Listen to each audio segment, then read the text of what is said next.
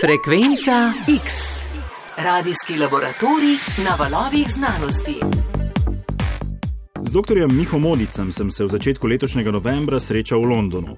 Sprejel me je v recepciji moderne stavbe, ki je v zadnjem desetletju zrasla v neposrednji bližini Britanske nacionalne knjižnice, Evropskega središča družbe Google in enega izmed pomembnejših mestnih železniških vozlišč. Biomedicinski inštitut so poimenovali po britanskem znanstveniku Francisu Cricku, ki je za soodkritelstvo molekule DNK prejel Nobelovo nagrado. Po kar strogem varnostnem pregledu, ki je ne glede na cepilni status zahteval tudi dokazilo v obliki negativnega testiranja na COVID, me je Miha Modic popeljal po res fascinantni stavbi. Um, ja, smo nekako v središču Londona, tako je bil poskus Anglije pred nekaj petimi leti, da so odprli to stavbo, ki združuje um, raziskovalce iz vseh londonskih univerz, hkrati pa so v bistvu trije glavni viri financiranja za znanost v Angliji skupaj stopili in je vsak namenil od njih približno, mislim, tretjino milijarde funtov, da so pripravili to ogromno stavbo, ki trenutno zdaj vključuje, mislim, 90 raziskovalnih skupin. Ja, prednost tega je seveda, da se nahajamo v središču Londona, tako da pač so vsa vozlišča sveta tukaj na dosegu, hkrati pa tudi londonske univerze so, so nekaj korakov stran. Je pa to zelo moderna stavba, ne, tako fascinantno. Za... Ja, ta stavba, gradili so jo deset let.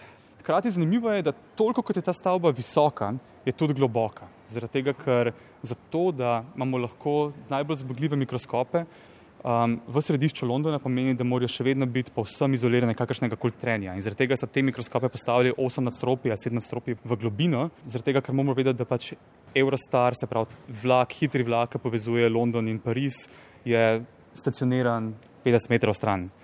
Um, tako da tukaj v bistvu vidva, to na desni strani je pravzaprav polovica zgornje tretjine hiše predstavlja super zmogljivi računalnik in pa celotna infrastruktura. Tukaj pred nami vidimo v bistvu robot, ki se potem po, po teh tračnicah premika in pač prinaša recimo zjutraj um, posamezne reagente in to, kar so potrebni za posamezne laboratorije. Tukaj noter recimo lahko pogledava, so pa naprimer naprave za visoko zmogljivo sekveniranje, se pravi sekveniranje naslednje vrste, kar pomeni, da se pravi izoliraš naprimer DNA, naprimer iz pacijentov, Um, in potem pravzaprav te naprave pripraviš knjižnico, ki bo predstavljala vse tvoje sekvence v genomu, ki so razdrobljene na mečke na koščke, in potem pravzaprav te naprave sekvenirajo milijardo in več milijard kopij teh tvojih um, fragmentov iz tvojega genoma. In kar je zanimivo pri tem, je, kakšna količina je in kakšna zmožnost je pravzaprav teh naprav. Če pomislimo, da je naš genom sestavljen iz, mislim, da, mislim, da je okoli 70 tisoč knjig, recimo, če bi jih napisal noter. In da pomislimo, da pa vsaka taka naprava sekvenira lahko v pol dneva desetkratno kopijo vsega tega, ne, pač ne predstavljajo količine podatkov. Uh, vi, Miha Modic, delate na katerem, kateri skupini? Jaz sem del večje skupine Jrneja Oleta. Um, Jrnej Olej je raziskovalec, ki je, ki je osnovno in vsi smo osnovno bazirani na University College London. Uh, medtem ko trenutno zadnjih pet let se nahajamo na Francis Crick Institutu, um, kar pomeni, da smo bazirani med več ustanovami. Jaz dodatno še nekaj baziran v Sloveniji, na Kemijskem inštitutu in pa na Cambridge univerzi. Po kratki ekskurziji po različnih nadstropjih inštituta sva z gostiteljem ob kavi sedla v udobne naslonjače v srednji avli. Povejte mogoče, konkretno, s čim se v zadnjem času največ ukvarjate? Jaz delam v eni mali skupini, ki jo, ki jo vodim znotraj okvira ogromne skupine Dirnaja Leta. Pravzaprav mi se ukvarjamo z vprašanjem molekularnih mehanizmov, ki so pomembni za naš zgodni razvoj. Ker pravzaprav, če pomislimo na naš zgodni razvoj, mi vsi nastajamo z ene celice. In zlasti v prvih teh parih dneh se dogaja kot nek veliki pok. Se pravi, zgodi se, da pravzaprav mora tista ena celica v roku petih dni nastati z nje zametki vseh naših tkiv. In ogromno neznanega pri tem, kaj se dogaja. Hkrati je pa zelo pomembno pri tem, da vsaka stvar, ki gre lahko narobe, prispeva k kritični nosečnosti in splavu. In zaradi tega je zelo fajn te mehanizme in morebitne probleme, ki se lahko nastanejo, že veliko prej odkriti. Na zadnje so v ekipi dr. Modica raziskali, kakšni so mehanizmi, ki narekujejo najhitrejše morfološke spremembe v zgodnem razvoju mi vidimo, da, da je pomembna translokacija proteina, da protein, ki je drugačen v jedru, do tistega momenta se rapidno prenese v citoplazmo, se pravi v okolico celice, in v tisti citoplazmi celice uspe takoj degradirati in uničiti tiste transkripte in tiste proteine, ki narekujejo neko zgodnjo svoje stanje, se pravi neko stanje pluripotence. In kar je zanimivo, da če preprečimo to translokacijo proteina, pa vidimo, da se embrio ne more naprej nadaljevati in dobimo prvič na sedaj eksperimentalno določene in pokazane simionske tvojčke, se pravi, da znotraj enega embrija nastaja več embrionalnih tvorb in vsaka ima potem svoje življenje. In načeloma zdaj lahko prvič v primeru laboratorijskih živali, v tem primeru miši ali pa in vitro poskusov vidimo, kako pravzaprav je res nek, samo nek premik enega izmed 20 tisoč proteinov odločilen za to, da se, nadalje, da se naše življenje nadaljuje ali pa pravzaprav, da pride do velikih težav, ki bojo vodili po vsej verjetnosti najbrž celo v smrt ali pa mogoče nastanek sijemskih dvojčkov. In na podlagi teh eh, študij, rezultatov, ugotovitev je seveda mogoče delovati tudi preventivno, ne, oziroma vredno zdraviti. To je dolg cilj. Se pravi, če mogoče rečemo tukaj malo širše, se pravi, skupina od Jrnaja leta se ukvarja predvsem z razumevanjem mehanizmov in napak, kaj se zgodijo v neurodegenerativnih boleznih. To je najbolj kompleksnih procesov, zaradi tega, ker dogaja se v možganjih, heptenjači, se pravi v, v modelu, ki ga pravzaprav pri človeku ne moremo posešti. Težko dobimo pogled, kaj se dogaja res pri živem človeku. Lahko dobimo samo pri pacijentih, ki pa imajo že toliko napak in toliko težav, da je težko sploh uvideti, kaj se dogaja. Še težje pa pravzaprav prideti potem do terapije pri tem, zaradi tega, ker je najtežje pravzaprav stvariti stvar, ki se dogaja v možganjih. Um, ampak ja, dolgoročen plan je, da razumemo te mehanizme, razumemo, kaj je pravilno delovanje nekih proteinov, nekih RNA, zato da lahko ugotovimo, kaj so napake v teh mehanizmih in da mogoče lahko te napake dolgoročno popravimo. Vi ste pred prihodom v London bili raziskovalec v Münchenu, če se ne motim. Ja. Uh, mogoče malce nam razložite vašo akademsko pot. Moja akademska pot je malce nenavadna. Jaz sem začel študijem prava. In po dveh letih študija prava sem v tretjem letniku študija prava se usporedno upisal na študij biotehnologije. In takrat me je ta študij biotehnologije predvsej prevzel in sem se potem v naslednjem letu odločil iti na izmenjavo v München in izbira, zakaj München, je bilo zato, ker je München um, Evropska prestolnica patentov. In takrat sem videl svojo nadaljno pot še pravzaprav v tem, da bi da bi uporabil znanje obojega in prava in biotehnologije in na ta način se učil um, znanje za patentne zastopnike in pravzaprav prispeval k patentni zaščiti biotehnoloških izumov. In sem istočasno, kot sem delal prvo prakso na področju patentne zaščite, sem delal svojo diplomsko nalogo, takrat še v Münchnu. In pač v tistem trenutku je bilo tako, da ko enkrat dobiš pri diplomski nalogi neke rezultate, ki v tistem trenutku si edini na svetu, kaj veš, dokler ne poveš samo kol. Um, je to en tak dober občutek, da pravzaprav se ni več mogla niti primerjati s tem, z nekimi dolgimi urami, ki jih potrebuješ za prakso patentnega zastopnika. In na tisti stopni pravzaprav so to bile ene moje zadnjih izkušenj z pravom. Posem se je posvetil znanosti. Magisterij iz biotehnologije je začel v Nemčiji in ga dokončal na Cambridgeu v Veliki Britaniji. Na doktorski študij se je vrnil v München. Začel sem takrat z prvimi raziskavami na temo matičnih celic. Moje dodanje znanje je bilo pa bolj v bistvu na temo RNA biologije. In trenutno pa pravzaprav združujem oboje skupaj, najprej s postdokom in potem tudi zdaj le, da poskušamo razumeti RNA mehanizme, ki so okvarjeni in ki se dogajajo v zgodnem razvoju. Prej ste omenili, da je proračun eh, tega inštituta večji kot eh, proračun celotne slovenske znanosti. Mislim, da se vas poprašati tole, glede na to, da ste blizu spoznali tri, recimo, da temu visokošolsko znanstveno raziskovalne eh, sisteme, predvsem seveda potem nemškega, pa zdaj britanskega. Lahko potegnete kakšne primerjave? Ja, oba sta izjemna kakovostna in oba poskušata v prihodnosti biti še boljša. Tako da v bistvu to imata skupno vedno več namenjate v znanost, želite privabiti najboljše ljudi po celem svetu, medtem ko recimo v tem primeru bi rekel, slovenska znanost je še vedno zelo slovenska. Nič na robotu, lahko zelo prijetno, ampak zdi se mi, da pravzaprav glih s tem, ko dobiš ljudi iz celega sveta, pridobivaš neko novo znanje. In te razlike med ljudmi nas bogatijo, zaradi teh razlik med ljudmi pravzaprav vsak od nas se nekaj novega nauči in kot celota je na koncu boljše. Britanski sistem je mogoče bližje ameriškemu, kar pomeni, da je tukaj ključna tudi ekonomija obsega, da želijo čim več podobnih raziskav združiti pod eno streho. In to je tudi na enem primeru.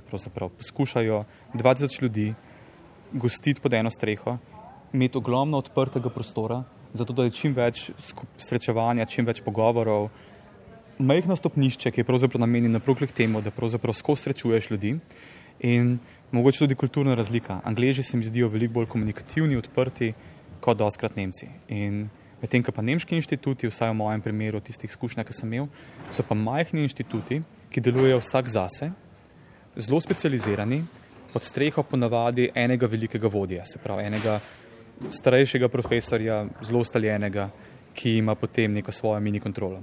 Medtem, kar je pa zanimivo pri nas, je tukaj videti, da v hiši so recimo tri nobelovci. Vsi ti nobelovci imajo posebno enake pisarne kot vsi ostali, predvsej majhne. Relativno slabe v Sloveniji, si najbrž. Neki vodje ne bili zadovoljni s tem.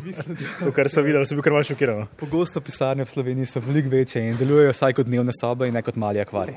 Tako da je v bistvu zelo videti tudi to, ne, da pravzaprav tudi ni posameznih tajnic, ampak so stružene administrativno osebje, kot smo ga recimo videli tukaj v višjih nadstropjih, v središču, ki povezuje, imaš nekakšne administrativne osebje, ki pomagajo vsem enakovredno. In na ta način poskušajo čim bolj uzravnati ta akademski prostor, da se počutiš pravzaprav tudi na začetku karijere slišanega. Če vas vprašam tako čisto konkretno, no, kakšen je vaš poprečen uh, delovni dan? Živite nekoliko ven iz Londona, ne? ampak zdaj ura nekje pet popovdne. To je res. Okay, pet popovdne je v mojem primeru še vedno delovnik. Vedeti je treba, da v bistvu se delovnik v Angliji začenja kasneje, kot smo navajeni v Sloveniji, da pravzaprav pred 9. uro zjutraj redko kdaj je kdo, je kdo v pisarna. In načeloma delovnik traja do 5-6 ure. Zdaj se recimo videti tukaj nahajava blizu izhoda in pravzaprav videti, da skozi ljudje odhajajo. Res pa je, da ob tako veliki hiši bojo v vsakem času v dnevu nekateri ljudje še vedno notri. Nimam občutka, da je delovnik tukaj dolg, in tudi vsi vemo, da pravzaprav fokus ne more trajati prav nekaj dolgo. Ne? Tako da se mi zdi, da je bolj pomembno to, da če si fokusiran na svoje delo, ga lahko zagotovo opraviš do, do petih ur popovdne, to je za ogromno veliko. Ker sem bil kar malo fasciniran tako nad organizacijo kot arhitekturo inštituta, me je dr. Miha Moric še malo popeljal naokoli po stavbi. Kratko malo, open space vse skupaj tole, ne? Za... Vse je open space, tako da gre lahko pa naprimer še v laboratorije pogledati. Um, tukaj recimo, če grede dal pogledati, vidva, koliko je pravzaprav ta ta hiša res ogromna, ker je v bistvu od zunaj deluje velika. Ampak, ko pogledaš tukaj dol, zgleda nekako ena... To samo vrjivske, to samo vrjivske. ne, ne. To je ena jadro linija. O, ja. Lahko pogledamo še na drugo stran, ki je malo bolj tamačen London. Okay. Zanimivo je, da ta, žalost ta London zginja, ampak ima pa svoje čare. Da je zanimivo videti razliko. Recimo, če pogledaš na tisti del, ki je Google, pa na ta del, pravzaprav, kaj tukaj je ostal še vedno pozabljen. Ja, thanks. The circular chemistry suite.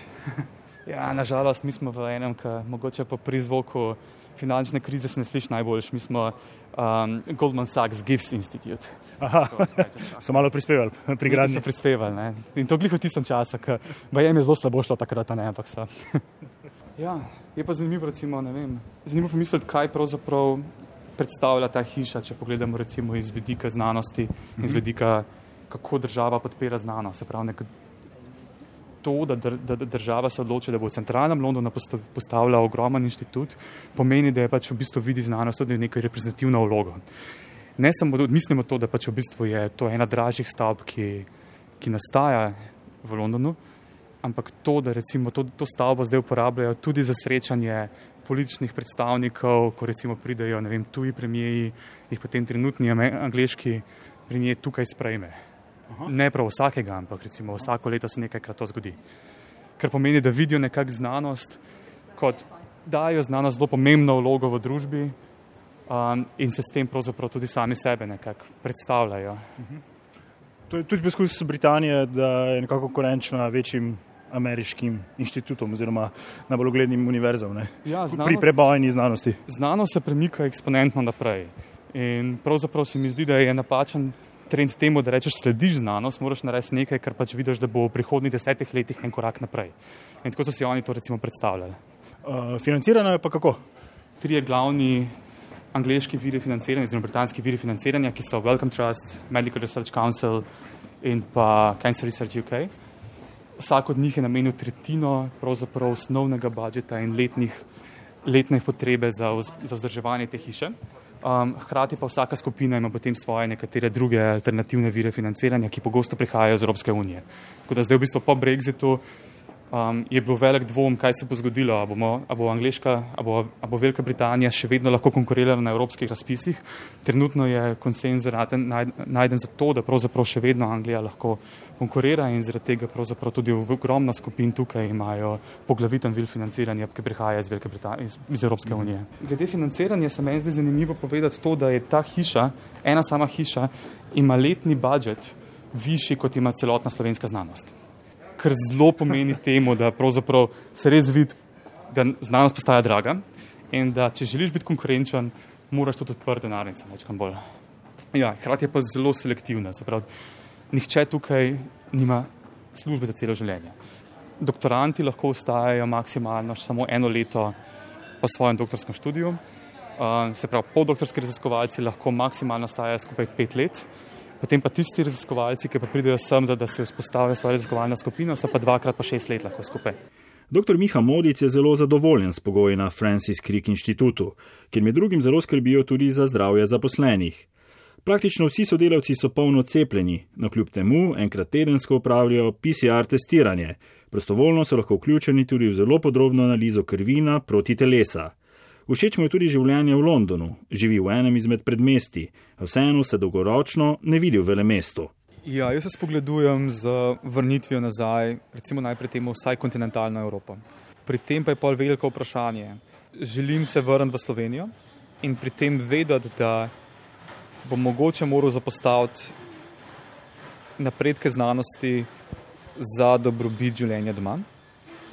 Ali bi mogoče raje se najdu neko naslednjo opcijo, ki bo nekje v bližini Slovenije, to ne si bo Dunaj, München, kjer bi imel lahko še vedno tesne stike s Slovenijo in za slovenskim raziskovanjem, hkrati pa v bistvu deloval v območju, ki je bolj znanstveno stimulativno.